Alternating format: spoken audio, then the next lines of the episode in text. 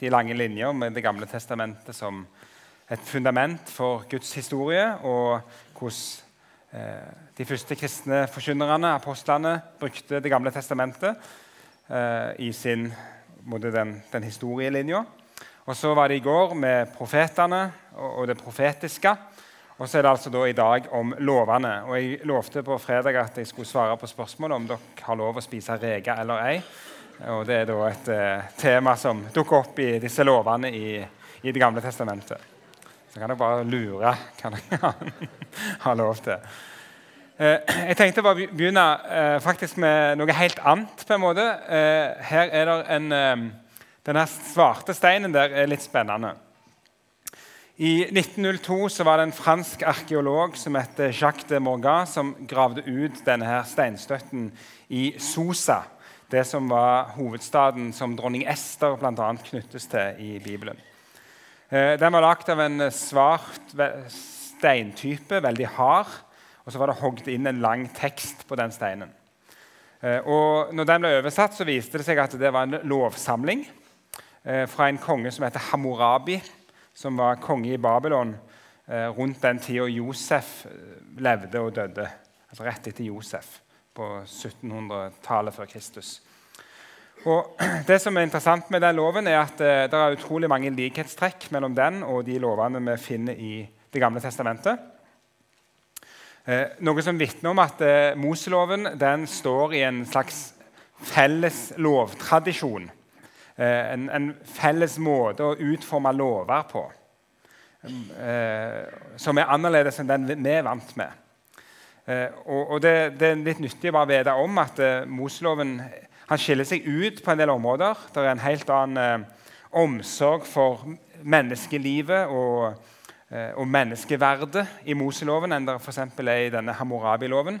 Den er mest opptatt av eiendomsrett og eiendomstyveri og er strengest på de områdene, mens Moseloven er veldig tydelig på det som går på liv og menneskeverd. Så det er en vesentlig forskjell. Eh, men samtidig er det en del likheter som vitner om en sånn en felles måte å skrive lover på. Eh, som altså da er en fremmed på mange måter for oss. Vi har vår tradisjon, og den stammer jo tilbake fra gammel førkristen tid i Norge og ble jo videreutvikla av, eh, av, Olav den hellige med kristenretten, som jo feirer dette året her. Men det kan av og til være litt nyttig når vi går til Moseloven, å vite det, at dette er en annen måte å tenke lovskriving på. Eh, for det hjelper oss litt når vi skal fortolke Moseloven. Eh, og det, jeg tenker også det er litt sånn typisk Gud. på en måte. Når han skal åpenbare og gi sitt ord, så så, så, er det noe som hele tida forankres i den menneskelige kultur. Vi vet fra Nytestamentet at evangeliene er skrevne i en form som ikke var helt fremmed. og Brevene til Paulus er skrevne i den vanlige måten å skrive brev på i antikken. Og lovene i Det gamle testamentet er skrevet på den måten som var vanlig i den kulturen å skrive lover på. Så Gud han er alltid inkarnert på alle mulige måter. Kommer til oss på en måte som gjør at vi kan forstå, gjenkjenne og og forholde oss til det han sier. Men så er det jo sånn at eh, Lovene i Bibelen er primært knytta til Moses og den lovgivning som er gitt ved Moses. Og når vi, eh, når vi jobber med, med, med, lovverket i Det gamle testamentet, så er det to viktige begreper som vi trenger å ha på plass. Eh, og ha på plass skjelningen mellom de begrepene. Og Det er altså det vi kaller for de apodiktiske lover. Det er sånn fagord som vi bruker. Det er altså de lover som eh, fungerer De bare beviser uten at de trenger å forklares. De bare står fast. Det er de apodiktiske lover. Det er jo de ti bud som på en særlig måte er disse her grunn, grunnlovene.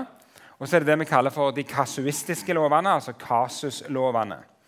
Og Det er særlig disse kasuslovene som er det vanlige i, i Bibelen. Og En kasuslov er jo da at du får en, eh, en case, eh, og så, så, skal den forme en bestemt måte å tenke på. Og eh, Nå tok jeg det eksempelet som jeg vanligvis bruker når jeg introduserer lovene på Fjellhaug òg. At eh, Hvis du tar utgangspunkt, du har et bud, et absolutt bud som Gud har gitt i de ti bud. Du skal ikke slå i hjel. Og så er det da en rekke lover i GT som inviterer til å liksom grunne videre på, på det budet. Du får litt sånn god rytme til, til undervisningen her, så det er jo bra. Da får vi litt, litt gang på det her. Eh, men en viktig sånn kasuslov i Bibelen eh, er denne som jeg er veldig glad i, 5. Mosebok 22, vers 8. Og jeg pleier alltid å spørre mine studenter og elever hva, hvis du skal være en bibeltro kristen, hvordan vil du leve etter denne loven her? Eh, når du bygger et hus, så skal du altså lage et rekkverk på taket. Så da vil jeg gjerne rette en anklagende pekefinger mot dere alle og spørre hvor mange har et rekkverk på taket. Men da forstår vi jo at eh, her er det altså gitt en, en lov som, som eh, åpne opp døra for en refleksjon. Eh, hva, hva, betyr det å sikre liv? Du skal ikke slå i hjel. Hva betyr det i praksis? Og Da er nettopp eh, en sånn lov som dette med på å hjelpe oss inn i den refleksjonen. Eh, for hvordan kan du innrette eiendom og hus på en sånn måte at du ivaretar budet? Og Jeg tok derfor med eh, istapper fra taket, som jo er et relevant tema nå i disse tider. Og vi vet jo det at eh, Du kan jo faktisk bli holdt strafferettslig ansvarlig hvis du ikke har sikra nedfall av istapper. Uh, og hvis noen blir skada, så kan du bli dømt for uaktsomhet. Uh, og, det, er en, det, er jo det det handler om. Og, og, Det kan være som sagt, veldig greit å vite. Når vi kommer til lovene i GT, så er det det som foregår. Du får altså keiser, og så sies det noe om, om hvordan en forholder seg til den. Eh, og så skal det være med å forme et tankesett eh, som danner nye i, i, lignende situasjoner. Så Da er det på en måte tilstrekkelig med den ene loven der. Så vet da en israelitt i gammel tid at eh, da skal jeg ha rekkverk på taket, jeg skal kanskje ha gelender på trappa, kanskje jeg skal strø trappa Nei, det er jo ikke is, men dere forstår. Eh, en må sikre huset sitt. Så den skjellingen mellom de apodiktiske lovene og de kasuistiske lovene er en veldig viktig fundament for det å lese lovene i GT. For da er de mer enn bare eh, rare levninger fra en kultur og en tid som er fremmed for oss. For Da forstår vi at det ligger noen prinsipper i bånn. Eh, og så kan vi bruke eh, bruke vår sunne fornuft til å liksom bedømme eh, hvordan dette her vil se ut i våre liv. Derfor er det òg Salme 1 som taler om eh, den salige mann, er det han som grunner på Herrens lov dag og natt. står der. Og Det er det nettopp dette det går i, det er å leve i en sånn en tankegang der en hele tida funderer på hvordan kan jeg innrette mitt liv på en sånn måte at jeg hele tida er i henhold til, til Guds vilje. Så vet vi jo fra Jesu tid at eh, de hadde jo en tendens til å, til å gjøre, dra dette litt langt. Eh, og det skapte jo òg problemer. Eh, så visdommen består altså i å, i å, i å grunne rett på Herrens lov, egentlig. da. Så det vil jeg bare ha som et fundament for eh, hele den eh, prinsipptenkningen rundt lovverket i Det gamle testamentet. Så kommer vi da til matlovene. Vi må jo eh, være, være innom de òg. Eh, hva gjør vi med sånne lover? Hva gjør vi med lover som forbyr oss eh, både ribbe og reke? Eh, det er jo knallhardt for en nordmann å lese 3. Mosebok 11 og disse her kraftige forbudene. Eh, Israel fikk altså ikke lov til å spise dette. Er det noe vi skal, skal forholde oss til i dag, eller hva skal vi gjøre eh, med dette her? Hvordan, hvordan eh, lever vi med disse lovene? Så Det blir det, det, spørsmålet videre. og Jeg har jo kanskje nesten antyda en retning med den lille presentasjonen av uh, gjerdet på taket i stad, men dette er jo det store spørsmålet som vi, stiller. Og Da kan jeg bare nevne det at uh, i Den kristne kirka så har vi en tradisjon som uh, tilskrives uh, Thomas Aquinas middelalderens eh, kanskje største tenker og teolog, eh, som får æren for å ha foretatt en tredeling av Moseloven, som jeg regner med at alle som har gått på bibelskole en gang i livet, har hørt. Nemlig en deling av Moseloven inn i de religiøse, de sivile lovene og morallovene.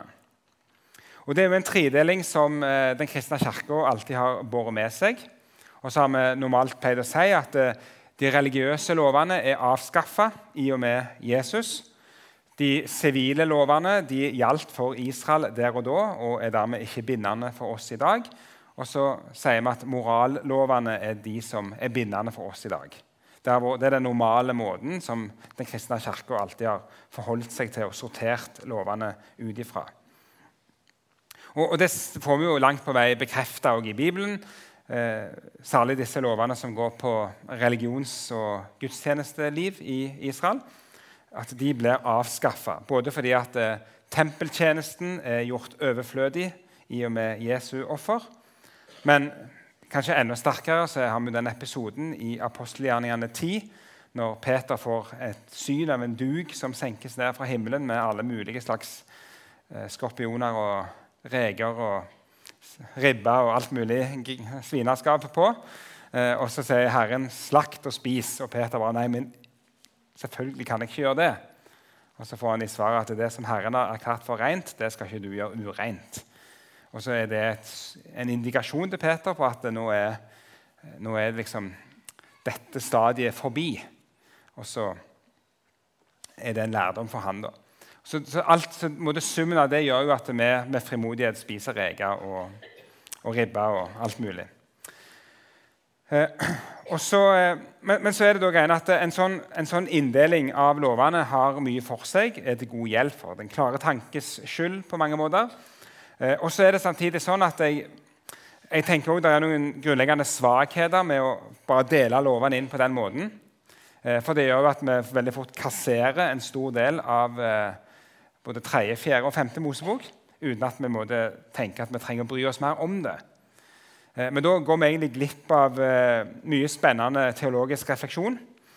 Så det er det jeg ønsker å slå et lite slag for. At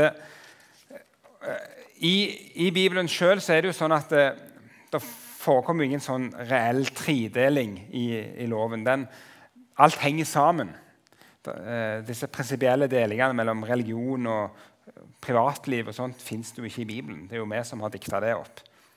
Eh, så det gjør at vi trenger å Selv om dette hjelper for oss til å sortere litt i lovverket, så tenker jeg at vi går glipp av en del relevant teologisk refleksjon hvis vi bare sier at det og det er ikke gyldig, og derfor trenger vi ikke bry oss lenger. Så jeg har lyst til å, eh, lyst til å vise litt mer enn en det eh, nå i dag. Eh, og Da skal jeg gjøre det med å lufte fram bare noen enkeltlover som, eh, som eksempler, eh, for å vise litt hvordan det går an å i litt større grad la disse lovene være en invitasjon til refleksjon eh, og teologisk tenkning. Uten at det betyr at vi bindes av dem på samme vis som Israel var bundet av dem, men vi kan likevel lese det med litt større utbytte enn bare å si at det var der, der og da, og det gjelder ikke lenger, og da trenger vi ikke bry oss om dem. Fordi det er mer å hente. Den første loven jeg tar fram, er en av disse mange stangelovene, som eh, jo vi relativt sjelden kanskje syns er sånn superrelevante i våre liv. Men vi har fra 2. Mosebok 21 så står det en av disse stangelovene om okser. Veldig viktig, og det forstår vi godt når vi vet hva, hvor, eh, hva slags kultur det var med, med, dyrehold. Da står det som følger Det kan hende at en okse stanger i hjel en mann eller en kvinne. Da skal oksen steines, og kjøttet må ikke spises. Men eieren av oksen skal slippe straff. Men hvis oksen hadde for vane å stange, og eieren ikke passet på den, enda han var blitt advart, og den så dreper en mann eller kvinne. Da skal oksen steines, og også eieren skal dø. Blir han ilagt bot, skal han betale så mye i løsepenger for sitt liv som det blir pålagt han. Er det en gutt eller jente oksen stanger, skal denne loven gjelde for eieren. Men er det en slave eller slavekvinne oksen stanger, skal eieren gi herren deres 30 sjekel sølv, og oksen skal steines. står det der. Det er jo en sånn OK, Det var en lov som var gitt til Israel. Eh, vi forstår at dette er en sivil lov. Det handler om israelsk eller gammel, gammel eh, sivilrett. og er på en måte ikke direkte relevant for oss, men kanskje kan vi likevel reflektere over loven og få litt hjelp til å tenke rundt denne loven. For det er en, en case som er gitt her, og så er det eh, en del eh, ulike straffeutmålinger og konsekvenser av lovbrudd. Og Det første vi merker oss, er jo at her er der, eh, det handler om straffansvar, det handler om straffeutmåling. Eh, og så ser vi også at Loven skjelner mellom det vi kan kalle for en tragisk ulykke, og det vi kan kalle grov uaktsomhet. Og Det er jo ting som er kjemperelevant også i vårt eget lovverk. Og så er det også sånn at En uaktsom eier som er dømt for uaktsomhet, òg kan slippe unna med bod. Eh, og Det virker som at eh, det er de som er ramma. Eh, det står i vers 30 det som er pålagt han, skal han betale i bod. Så Det virker som at det ikke er sånn automatisk dødsstraff i bildet, her, men det er òg en tenkning om at den ramma familien kan ilegge eieren av oksen en bod. Så det blir òg en slags fritak fra den groveste eller mest alvorlige straffen i dette. Eh, og så synes det at eh, Og det kan være viktig å merke seg at det, det ble ikke gjort forskjell her, eh, egentlig. Altså, en vanlig mann, en kvinne, en unge, gutt, jente, en slave. Eh, det er, er liksom alvorlige konsekvenser uansett for dette. Og er det en slave som blir drept, så er det jo i tillegg til alt det andre som er sagt eh, om, om straffeutmåling, så blir det også lagt til at denne slaven skal også erstatte den tapte arbeidskraften i tillegg til den eventuelle straffen som kommer kom utenom. Og bare her, her, bare den Loven kan jeg bare nevne som et eksempel på skjellingen som du finner mellom Israels lover og naboene sine lover, som i større grad deler opp mennesker i klasser og, og eh, mellom klassene. Her så er det et liv som er gått tapt, enten det er en eh, slave, eller det er en unge, eller det er en voksen som er blitt drept. Eh, og så er den overordna eh, loven eh, at ved uaktsomhet så er det dødsstraff eller bod. Det gjelder hvis det er gutt og jente, samme straffeutmåling.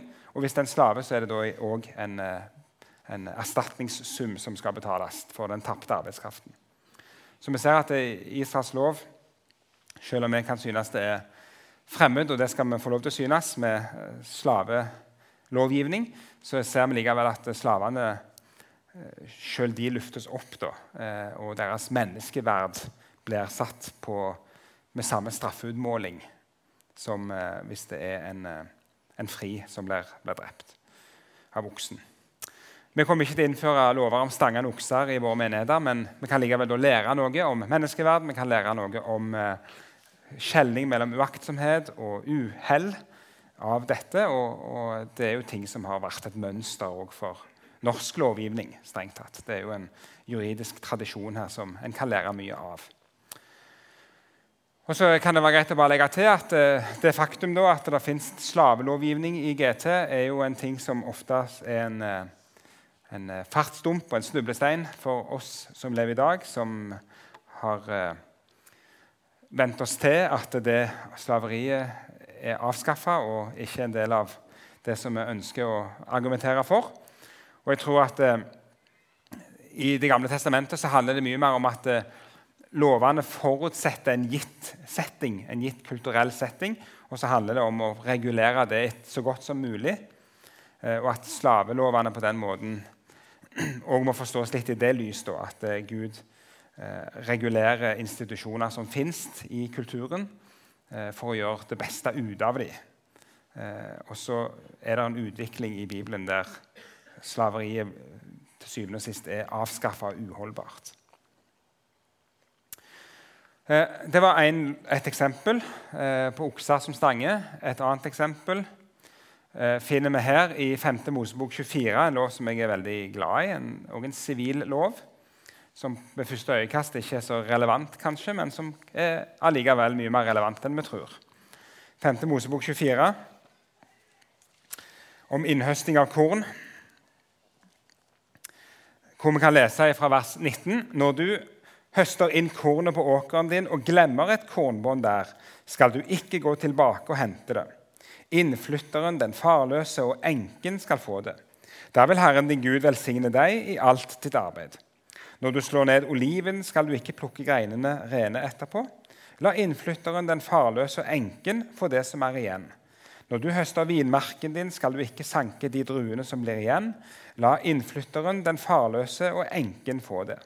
Husk at du selv var slave i Egypt. Derfor befaler jeg deg å gjøre dette, sier Gud til Israel.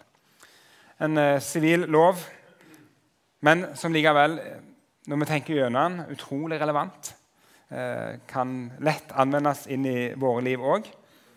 Eh, og hvis vi bare bruker litt sånn fantasien Dette er jo en lov som sikkert var eh, utfordrende på ulike stadier. Hvis du har hatt en god høst, så vet du det at hvis du samler, samler, inn resten av alle ting, så kan du gjerne få deg et overskudd og selge og bygge deg opp formue.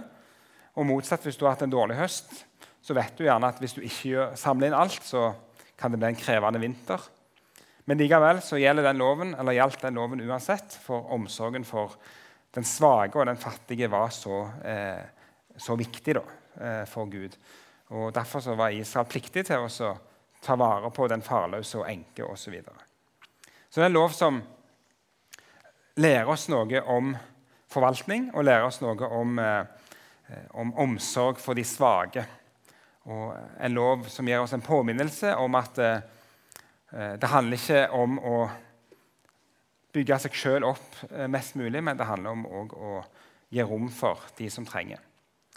Og I Bibelen er det jo Ruths bok som eh, er et eksempel på ei fattig dame som får utrolig god hjelp av at Boas nettopp er en rettferdig mann som følger denne loven. Høster ikke inn alt kornet, og så er det livsvilkår for Ruth og hennes svigermor Naomi så er lov om barmhjertighet egentlig. En sivil lov, men likevel, vi kan lære barmhjertighet av den. vi en annen lov som er morsom, syns jeg, 5. Mosebok 22, vers 6 og 7. Hva gjør du hvis du møter på et reir på marka? Det har du gjerne ikke tenkt så mye på. Men da står det at når du på din vei tilfeldigvis kommer over et fuglereir i et tre eller på bakken, når det er unger eller egg i det, og mora ligger på ungene eller eggene, da skal du ikke ta moren sammen med ungene. La moren fly sin vei, men ungene kan du ta. Da vil det gå deg vel, og du skal leve lenge, står det. En sånn festlig lov. Eh, detaljer som vi gjerne ikke alltid funderer så mye på. Men i en tid der vi snakker om bærekraft, så er jo dette en lov som definitivt har sin relevans. Eh, vi forstår eh, logikken bak denne loven. Tar du mora, så er det jo ikke livsgrunnlag for nye kull. Men tar du ungene, så har du gjerne fått litt mat, og så har du spart mora, og så er det eh, noen som kan legge nye egg. Det er jo så enkelt som det. Men det handler om bærekraft. Det er en undervisning, en case, som underviser om bærekraftig forvaltning av naturen og av ressursene som vi har rundt oss. Og I vår tid så er jo det absolutt noe som kan invitere oss til en eh, viktig teologisk refleksjon om utarming og overforbruk osv. osv. Enda en lov fra 3. Mosebok 15. Da beveger vi oss inn på eh, de litt mer intime soner av eh, kroppene våre. Eh, lover om kjønnslig urenhet er overskriften som disse lovene er gitt i Bibelen. Og Da er vi jo inne på det som handler om renhet, og mye mer inne på det religiøse området. men dette er en og, Dermed er det en lov som for så vidt er avskaffa og ikke relevant, selv om noen av de, de her lovene her kan ha medisinsk relevans. Dette med karantene ved sykdom osv. Det vet vi jo meget godt at, eh, at vi trenger også i vår tid. Men her er det en mer sånn tradisjonell renhetslov. Og Det tales altså om når en kvinne har utflod slik at hun blør i mange dager uten at det er tid for menstruasjon, eller menstruasjonen varer lengre tid enn normalt, da er hun uren så lenge hun har utflod. Hun skal være uren som ved menstruasjon. Alt hun ligger på mens utfloden varer, blir som det hun ligger på under menstruasjonen. Og alt hun sitter på, blir urent som urenheten ved menstruasjon. Den som rører ved det, blir uren. Han skal vaske klærne sine og bade. Han er uren helt til kvelden. Det er jo sånne lover som en nesten kan bli pinlig berørt av. Altså det er så detaljert. Men eh, og, og, hvordan er denne relevant? da? Og Han er jo på en måte ikke det, for dette er jo en lov som handler om urenhet og urenhet i Det gamle testamentet er ikke primært synd, men det er primært eh, det her med å være, ha adgang til det hellige. Eh, så det betyr jo egentlig at eh, ei kvinne som har eh, denne tilstanden her, vil aldri kunne være velkommen inn i det hellige.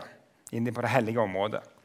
Og I hele dette kapitlet så er det en rekke lover som går på, på kropp, kropps, kroppsvæsker og, og renhet.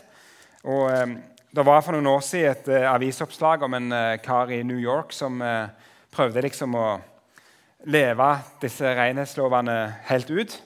Og jeg tror han endte opp med at han var urein sånn 320 dager i løpet av et år.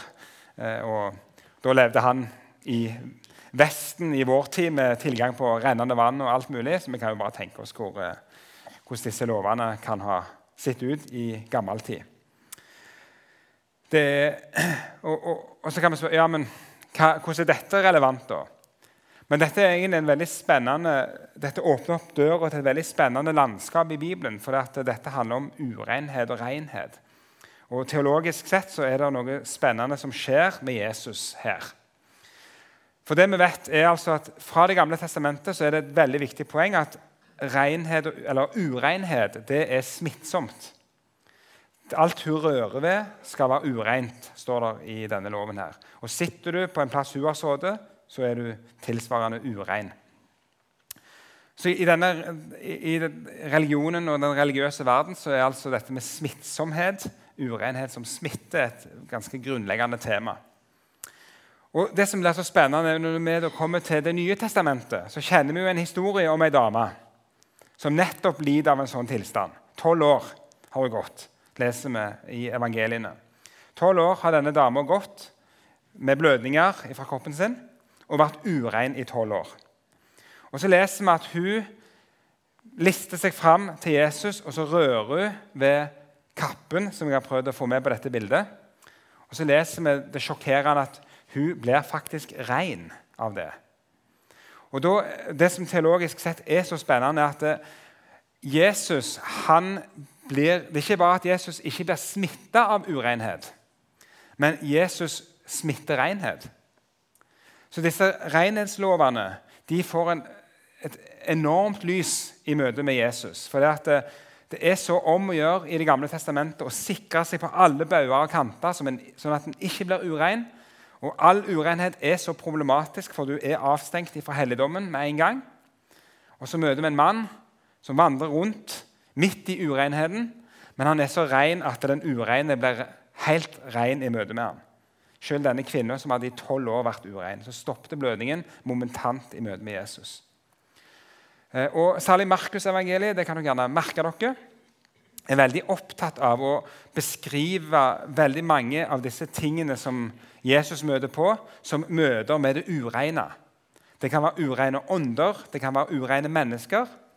Og så er det om igjen og om igjen, om igjen at et møte med Jesus gjør de reine. Så på den måten så er det sånn at renhetslovene i GT åpner opp denne døra for oss eh, og viser oss en som er så ren at eh, alt blir rent i møte med ham. Og I slutten av Zakaria-boka er det en profeti om en framtid der nettopp det skal være tilfellet. Det skal være en framtid der, der eh, alle ting skal Altså der, der renheten skal være smittsom. Eh, nå kom jeg på den akkurat mens jeg snakket, så ikke sikkert jeg finner den i farten. Eh, men eh, jeg tror det er den, den, her, ja. Helt til slutt i Zakaria 14.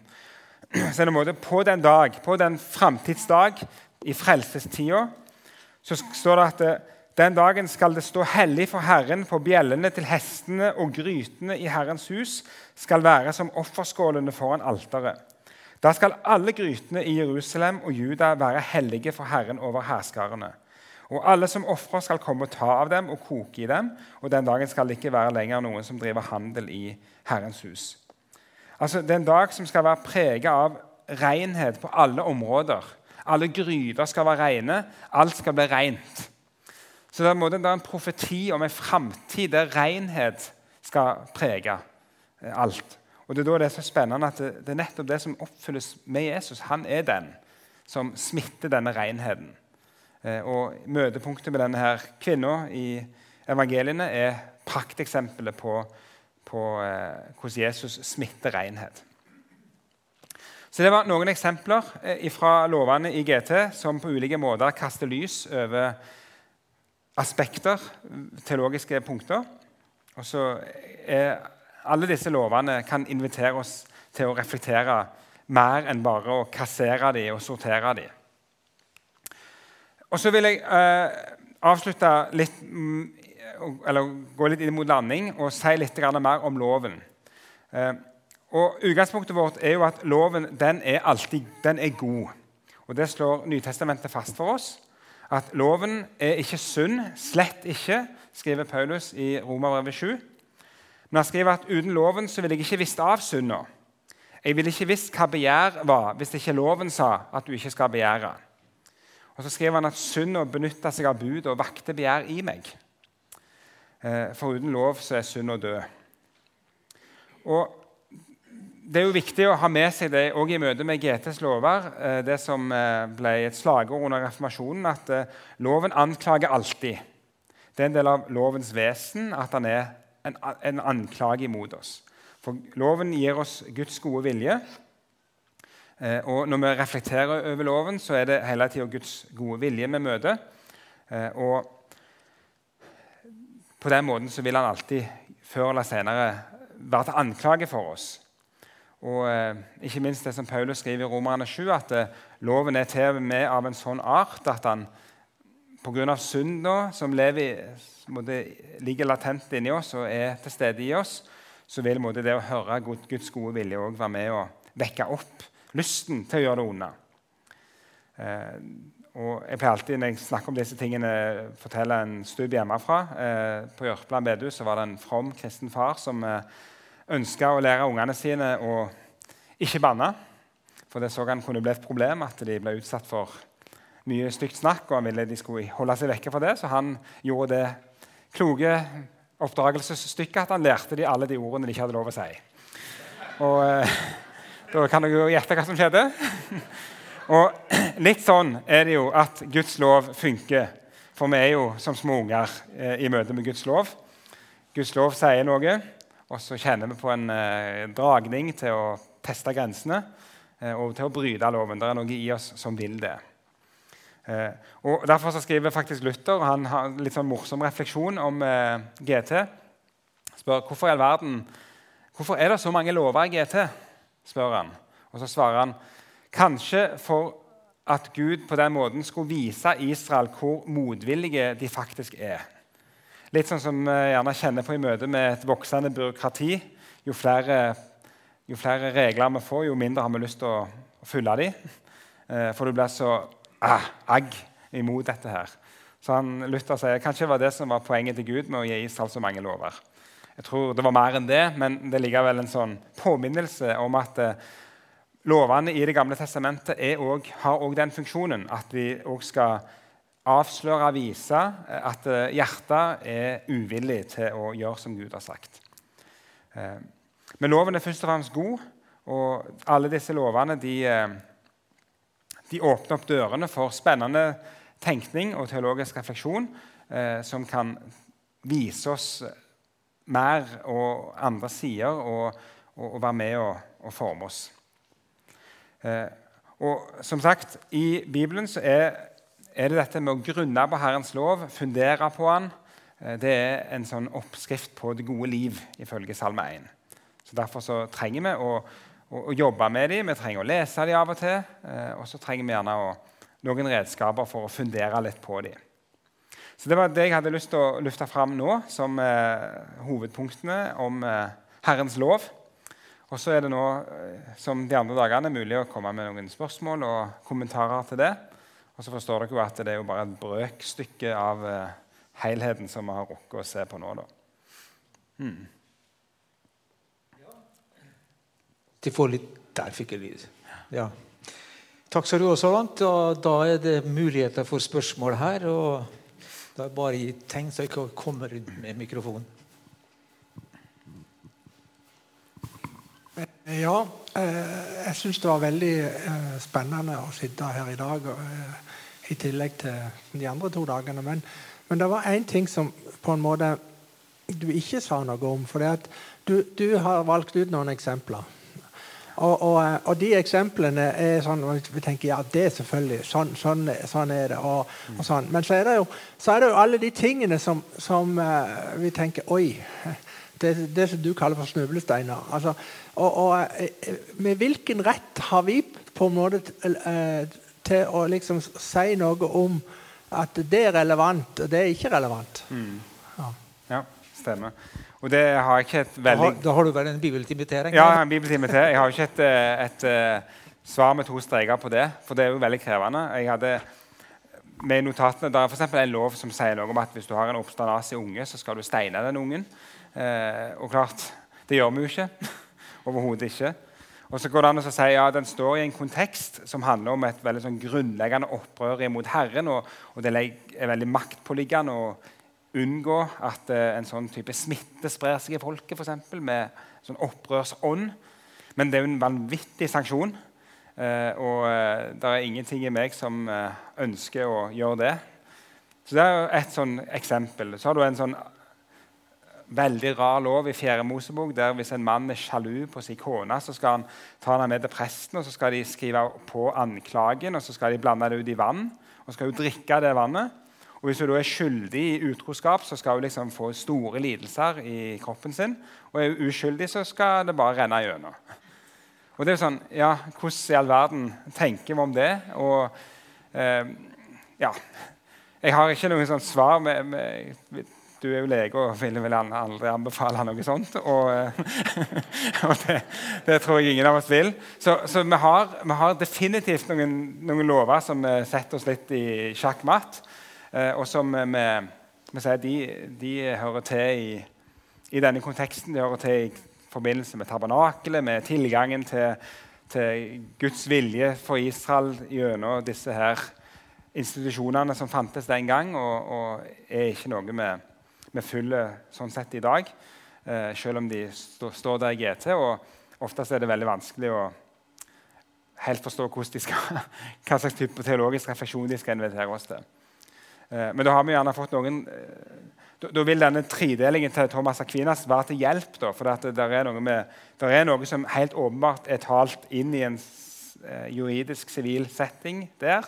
En religiøs setting der. Og så er det noen ting som, som er av en mer sånn allmenn moralsk karakter, som opprettholdes også av at Nytestamentet understreker de ti buds vedvarende gyldighet inn i, inn i den nye pakts tid.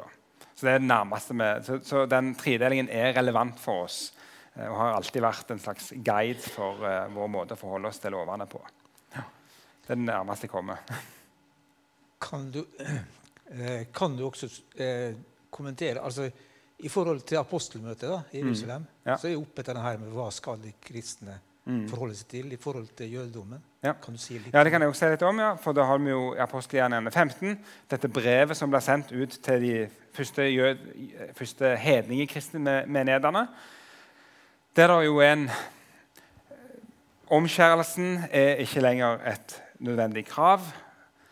Men det er samtidig noen klausuler som handler om hensynet til jøder eh, og sameksistensen med jøder. Så det står noe om blodmat, og det står noe om det som er kvalt og hor, som en skal holde seg vekke fra. Eh, så det du finner i apostelgjerningene, er jo på en måte at eh, ved det vedtaket i Jerusalems, eller i det første kirkemøtet, kan man si, eh, der lederne var samla, så vedtar de jo på en måte å oppheve noen av de mest grunnleggende delene av Moseloven og si at de ikke lenger er bindende for de nye troende. Men det skal være et samliv med de som fremdeles forholder seg til Moseloven, og da må det tas de nødvendige hensyn det blir den grunntonen i Nytestamentet. Og så blir det ikke utfolda så veldig mye mer enn det. Eh, men eh, historien har gjerne vist at de hensynene ble nok aldri godt nok ivaretatt. For det ble jo en ganske markert splittelse med, etter hvert eh, egentlig mellom synagogen og kirka. Sånn sett. Ja. Da har vi tre stykker til som skal ha ordet her, og så vi går videre. Ja, bare to kommentarer eller spørsmål. Um, nå glemte jeg holdt på å si. Nei um, har du sagt noe Hva er hensikten med loven? Mm. Eh, Luther sa vel noe om at eh, loven var tuktemesteren til Kristus. Mm. Det var det. Og så holder det ikke med å holde ti bud. Er ikke det nok? Holder det ikke å holde de ti bud? Ja, stemmer. Mm. Mm. Ikke sant. Ja, eh, det siste først. Eh, da, da er det sånn, og jeg tror det er blir tydelig, særlig i andre Mosebok, eh, så gis det jo de ti bud. og De kalles for ordene. Og så tales det om det er vel forskriftene som er brukt etterpå. Eh, det står vel, eller Lovene er, er det oversatt med her. Så jeg tror forholdet mellom de er litt det som jeg nevnte. at det, det er de ti bud som ligger i bånn, eh, og de er ordene, det er de ti ordene som ligger i bånn, og så er det da lovene som er avledningene av de ti bud. Eh, Så de, de er meint å være eh, la oss kalle det for eksemplifiseringer av de ti bud i praksis. da. Det, det er sånn loven er bygd opp i, i GT. Og så er det rett, loven er meint og det jeg prøvde å si at loven er denne anklagen som òg skal vise oss eh, at vi trenger en frelser. Det tror jeg er en veldig viktig funksjon loven har. Og så kjenner vi jo igjen fra, fra den lutherske teologien og protestantisk teologi at vi også snakker om en, en bruk av loven som er for det gjenfødte mennesket. Dette her som veiviser på den kristne vandring videre. At budene har også den funksjonen. Men budene slutter aldri å være eh, en anklage inn i våre liv om at, en påminnelse om at vi trenger en frelser. Så lever vi i en sånn sirkel.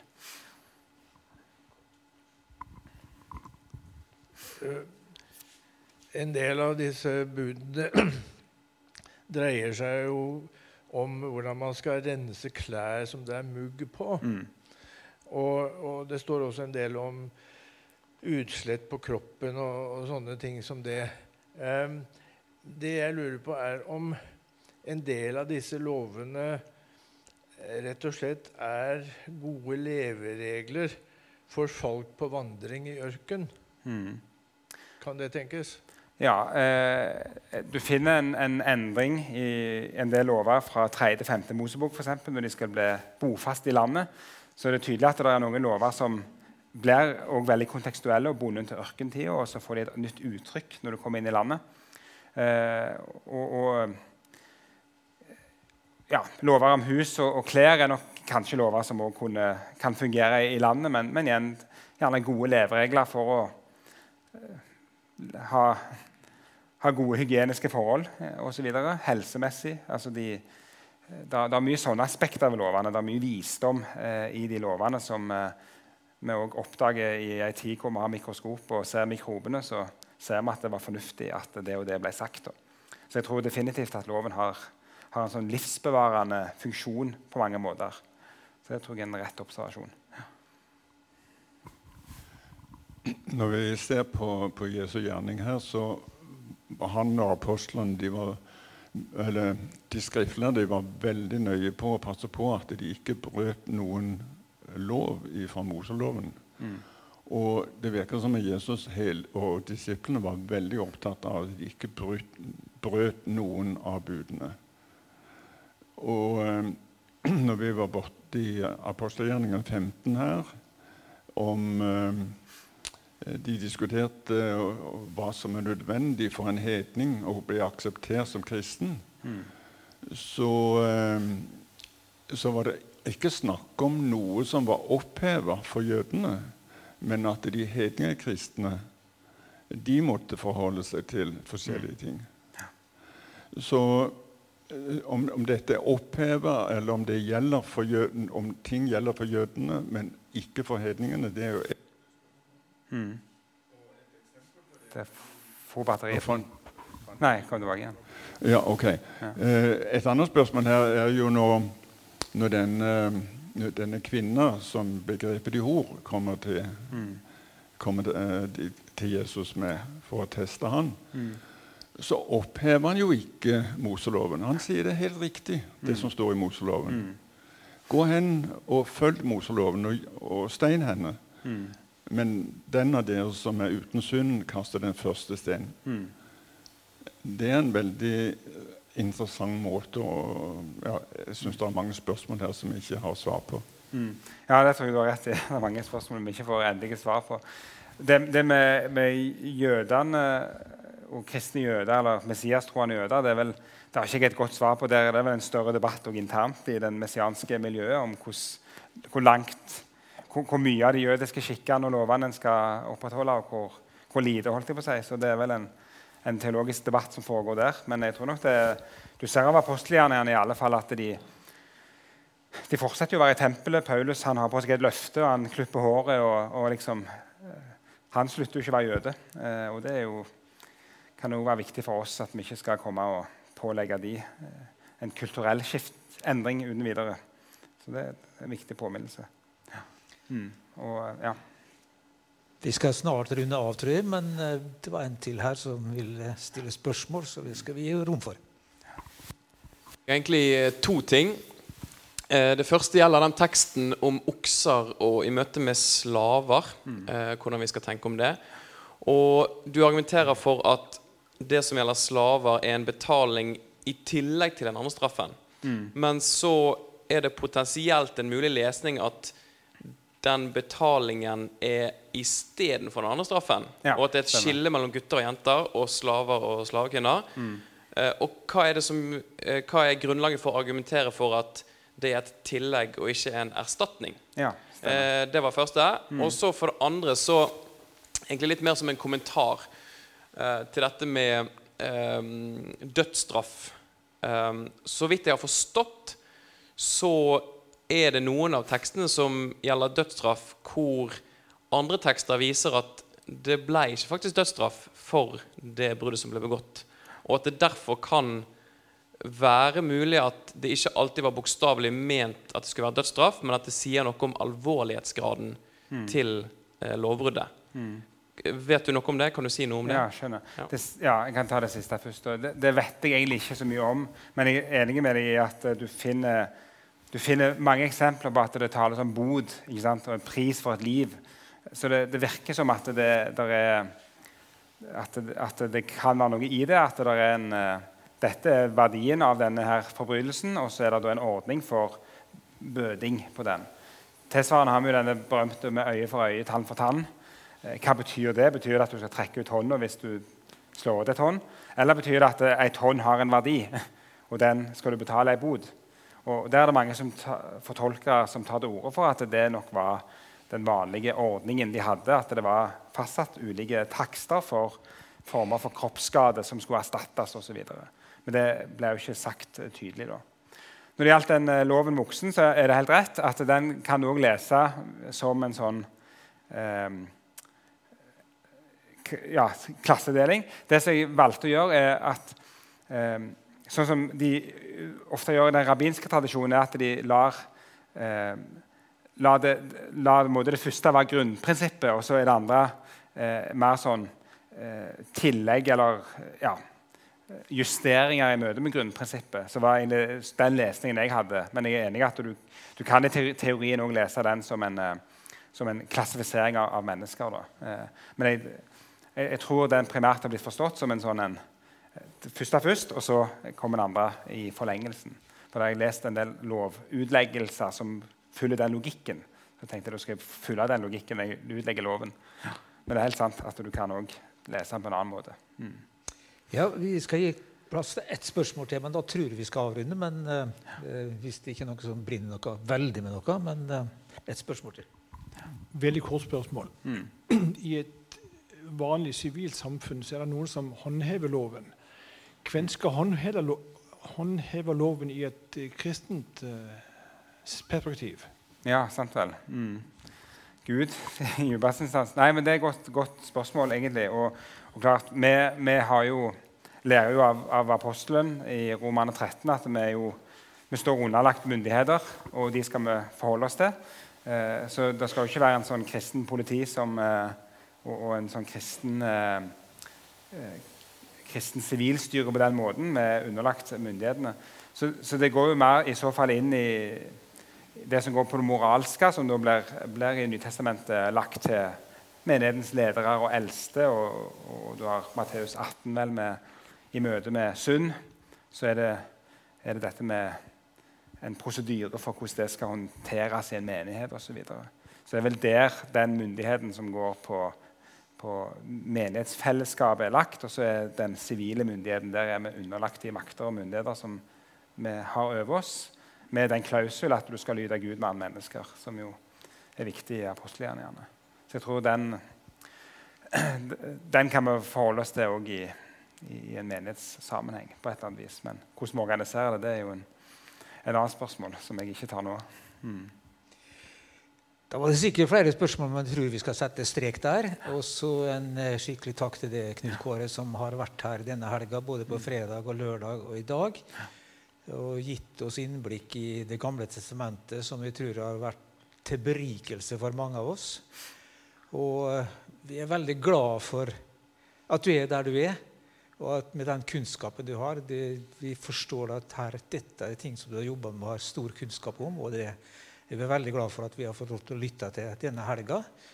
Og så har vi som har sittet her og hørt på, i alle fall forstått så mye at vi har mye igjen å forstå når det gjelder gamle testamentet. Så hvis du vil vite mer nå, så må du altså gå fjellet for å få vite mer. Så sånn er det. Så vil vi si en tusen takk, og det gjør vi med å gi deg en skikkelig applaus. og takk.